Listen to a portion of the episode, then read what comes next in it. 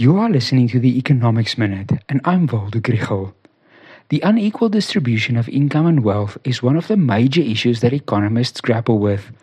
A few years ago, Thomas Piketty's book, Capital in the 21st Century, put the spotlight on growing inequality. Recent research in the US finds that the top income earners' share of the pie may not have increased as much as previously thought. However, the interesting research is in economic history.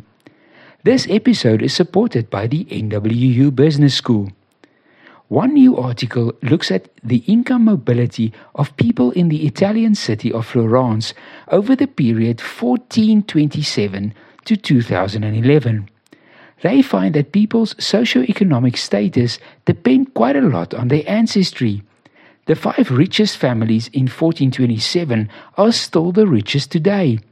Families that fell in the top third of the income distribution back then are still there.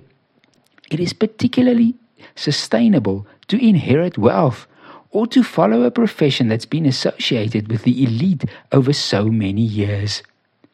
Latin American countries today are known for high levels of inequality, and this is usually attributed to the Spanish colonialists who established so called extractive institutions to strip the region's resources.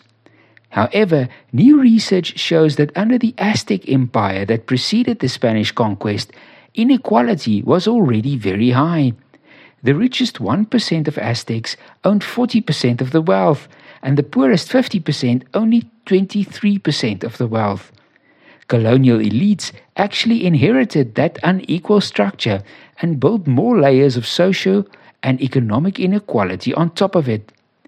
If you want to learn more about such research in the African and South African context, take a look at the website of the Laboratory for the Economics of Africa's Past, leapstellenbosch.org.za.